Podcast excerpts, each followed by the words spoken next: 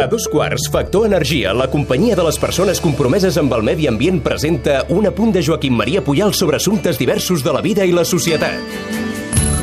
Bon dia, audiència. Avui és divendres 10 de maig. Fa un cert temps vaig acompanyar uns amics argentins que volien visitar la Sagrada Família. Quan els vaig deixar allà, els vaig dir que al cap de dues hores els esperaria en un banc del jardinet que hi ha al davant. A prop de l'estàtua d'Emilio, vaig precisar. Ben passades les dues hores, i una mica més, em van telefonar. Che, dijiste la estatua de Emilio. Preguntamos a los guías y a los de turismo de Barcelona y nadie conoce. SIC Trànsit Glòria Mundi, vaig pensar, l'estàtua d'Emilio és a 30 metres d'un punt d'informació turística que s'anuncia amb lletres gegants. Ask me!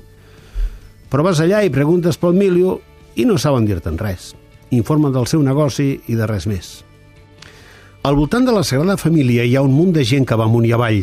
Busos turístics, veïns que fan la seva, jubilats badant als bancs, barraquetes on venen de tot, des de gelats fins a nachos i Spanish tortilla, i Emilio s'ho mira al costat d'unes falgueres i d'una roca on en una placa es diu que Emilio és un personatge creat per Tureschi, pioner de la ràdio.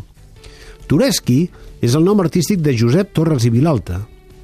Després de voltar per mig món, l'actor i ventríloc barceloní es va convertir en la veu masculina més popular dels inicis de Ràdio Barcelona. L'any 1927 va crear el seu personatge sonor, Emilio. Ell li feia la veu, i l'adolescent dialogava amb el mateix Toreschi. Vamos a ver, Emilio, tus apellidos son... Emilio, cap de i lluquet. Cuéntame algo de tu infancia. Y un día, ¡ay, esgarrífese! El maestro me llamó rinoceronte. Oh, rinoceronte. Oh. Sí, ya, ve yo el Emilio rinoceronte. Basta de este color, me levanté, agarré el globo terráqueo de la mesa del maestro y pum, la tiro a la cabeza del ayudante. Com veuen, era un humor blanc, tendre, senzill. Aquest diàleg és una de les poques restes que hi ha a la xarxa d'aquella gran parella.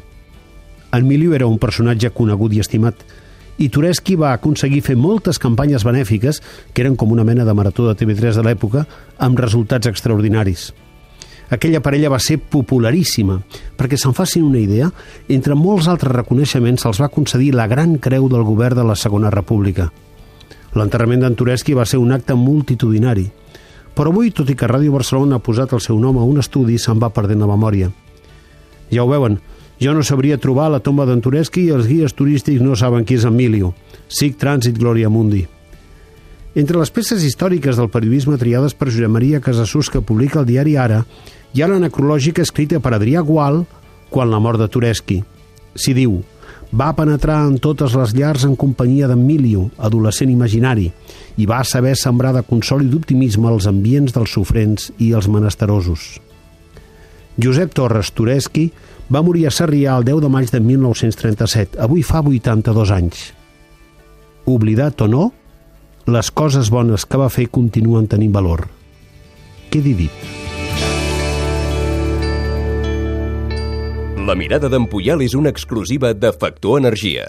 En Manu, el Minimans, manis pels amics, no, no ha contractat la llum a Factor Energia i no, no s'estalvia un 12,5%. Manu, contracteu tots la llum. A factorenergia.cat i no farem més anuncis. Per fi hi ha una altra llum. Factor Energia. Empresa col·laboradora amb la Barcelona Equestrian Challenge.